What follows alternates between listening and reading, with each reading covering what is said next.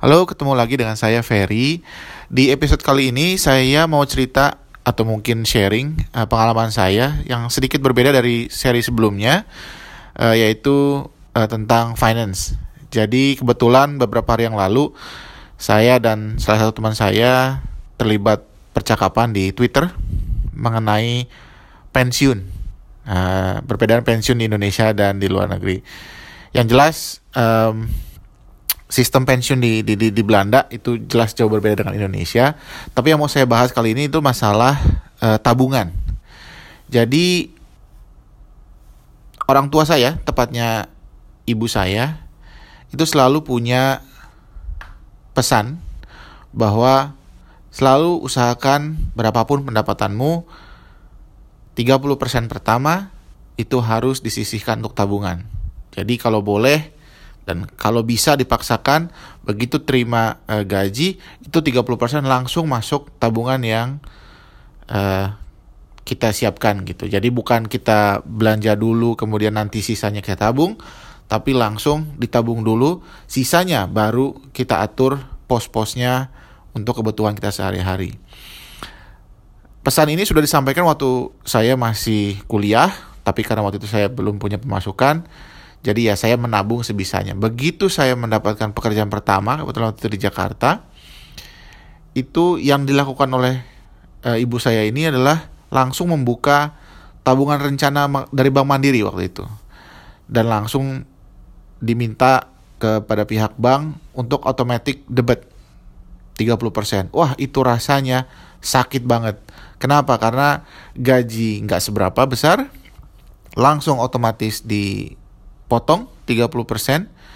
Dan ya kamu tahu sendiri apalagi biaya hidup di Jakarta tidak murah.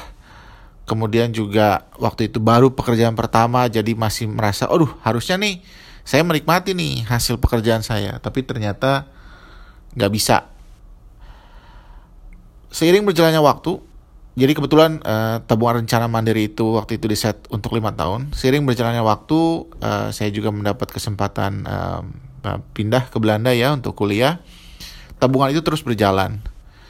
Dan akhirnya saya paham uh, kenapa orang tua saya menyarankan saya untuk melakukan uh, trik seperti ini. Yang jelas dari tabungan rencana mandiri itu setelah lima tahun terkumpul, ya dengan bangga saya bisa membelikan tiket pulang pergi Jakarta Amsterdam untuk kedua orang tua saya, ayah dan ibu saya, supaya mereka bisa hadir di uh, apa acara wisuda S2 saya.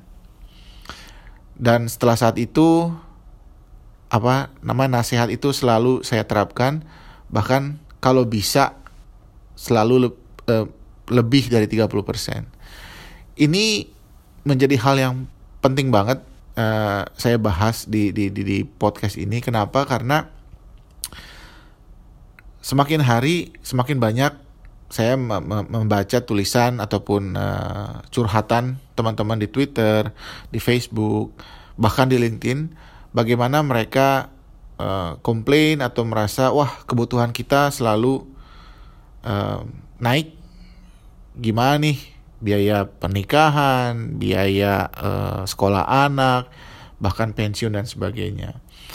Yang jelas di luar sana banyak banget yang namanya financial planner yang bisa membantu kamu untuk uh, apa namanya menyusun plan-plan seperti itu. Tapi buat saya saran yang sangat simpel ini dari dari dari ibu saya bisa jadi um, dicontoh juga buat kamu-kamu yang lagi mendengarkan podcast ini. Dan yang paling penting dari dari dari nasihat ini adalah sebenarnya disiplinnya gitu. Dan dengan dia memaksakan saya untuk auto debit uh, tabungan itu memaksa kita untuk disiplin. Karena ya namanya cenderung kita ya manusia ketika kita bilang ya saya awal tahun komit belum tentu komitmen itu bertahan enam bulan setahun bahkan bertahun-tahun kemudian. Harus ada mekanisme yang bisa membantu kita untuk terus komit ke janji kita itu. Nah salah satunya ini adalah dengan auto debit.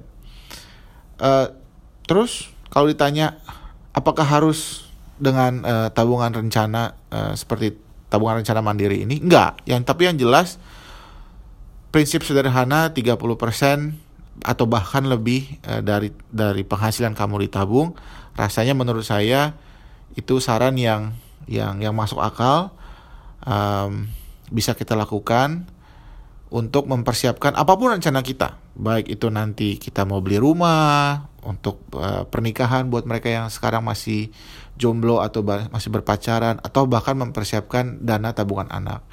Semakin besar pendapatan kita ketika kita fix dengan dengan uh, persentase seperti itu maka jumlahnya juga akan naik.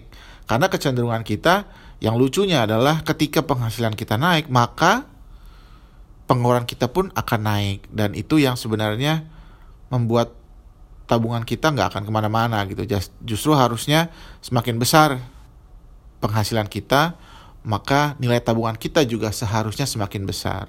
Jadi prosentasenya itu fix atau bahkan lebih besar. Jadi saat ini sekarang saya dan keluarga sedang berusaha menuju angka 40-45% persen uh, setiap bulannya. Ini penting banget. Kenapa? Karena boleh dibilang kalau teman-teman baca banyak paper di, di luar sana banyak yang sudah menganalisa perbandingan antara pendapatan dan pengeluaran baik itu di tahun ini ataupun tahun-tahun ke depan itu tidak akan sebanding dengan kenaikan inflasi, kenaikan harga-harga barang uh, ataupun kenaikan harga kebutuhan lainnya. Jadi kalau kita nggak mulai dari sekarang, kalau kita nggak mulai disiplin dari sekarang, tentu saja kita tidak bisa menikmati apa yang ingin kita nikmati. Baik itu misalnya mau jalan-jalan atau tadi kita pengen uh, memiliki A, B atau C itu sulit. Dan kalau kita hanya mengeluh atau membandingkan dengan negara lain misalnya oh iya kamu kan bisa ngomong seperti itu karena di Belanda sistem pensiunnya bagus di negara ini sistemnya pensiunnya bagus di Indonesia kan nggak seperti itu.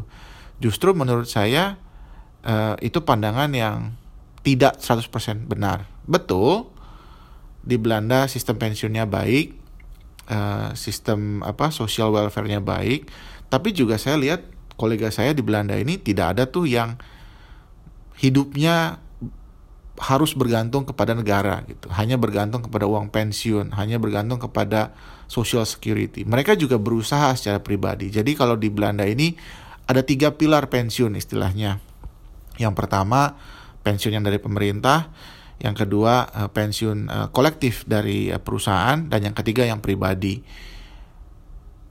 Yang pribadi ini semakin semakin lama semakin banyak dinikmati, dinikmati dan menjadi acuan banyak orang karena mereka juga sadar tingkat inflasi apalagi di di Eropa ini boleh dibilang bunga central bank itu kecil banget bahkan 0% bahkan tabungan di Belanda ini sekarang bunganya per tahun itu hanya 0,05. Ya, sekali lagi hanya 0,05 persen per tahun. Jadi makanya di Belanda ini banyak orang yang berinvestasi melalui uh, pasar saham atau reksadana seperti kita di Indonesia. Tapi yang jelas mereka juga berlomba-lomba untuk mandiri, tidak bergantung dari uang pensiun yang ada. Caranya banyak tapi kurang lebih dengan prinsip yang kurang lebih sama. Mereka menekan jumlah pengeluaran, mereka memaintain pengeluaran meskipun misalnya setiap tahun mereka mendapatkan kenaikan uh, gaji atau mereka dapat promosi, pekerjaan baru dan sebagainya, mereka berusaha untuk memaintain lifestyle mereka di uh, level yang buat mereka nyaman gitu. Nggak perlu berlebih tapi cukup nyaman. Nah jadi mudah-mudahan uh, tips ini juga bisa menjadi inspirasi buat kamu-kamu yang sekarang sedang memulai tabungan. Yang jelas kalau saya boleh mengulangi sekali lagi 30% dari take home pay kamu, penghasilan kamu, penghasilan bersih ya, langsung dipotong, masukkan ke tabungan apa pun e, bentuknya, kamu yang tentukan, tapi kalau bisa disiplin setiap bulan automatic out of the bed. Jangan menabung setelah kita habiskan untuk kebutuhan kita sehari-hari baru menabung. Dibalik, tapi kita menabung dulu dan sisanya baru kita sesuaikan untuk kebutuhan kita dan dari sisanya inilah kita bayarkan uh, apa pengeluarannya. Sekian dulu uh, topik kali ini dan mudah-mudahan kita bisa sambung lagi topik uh, pengalaman tentang kuliah di episode berikutnya. Thank you and have a nice weekend. Bye bye.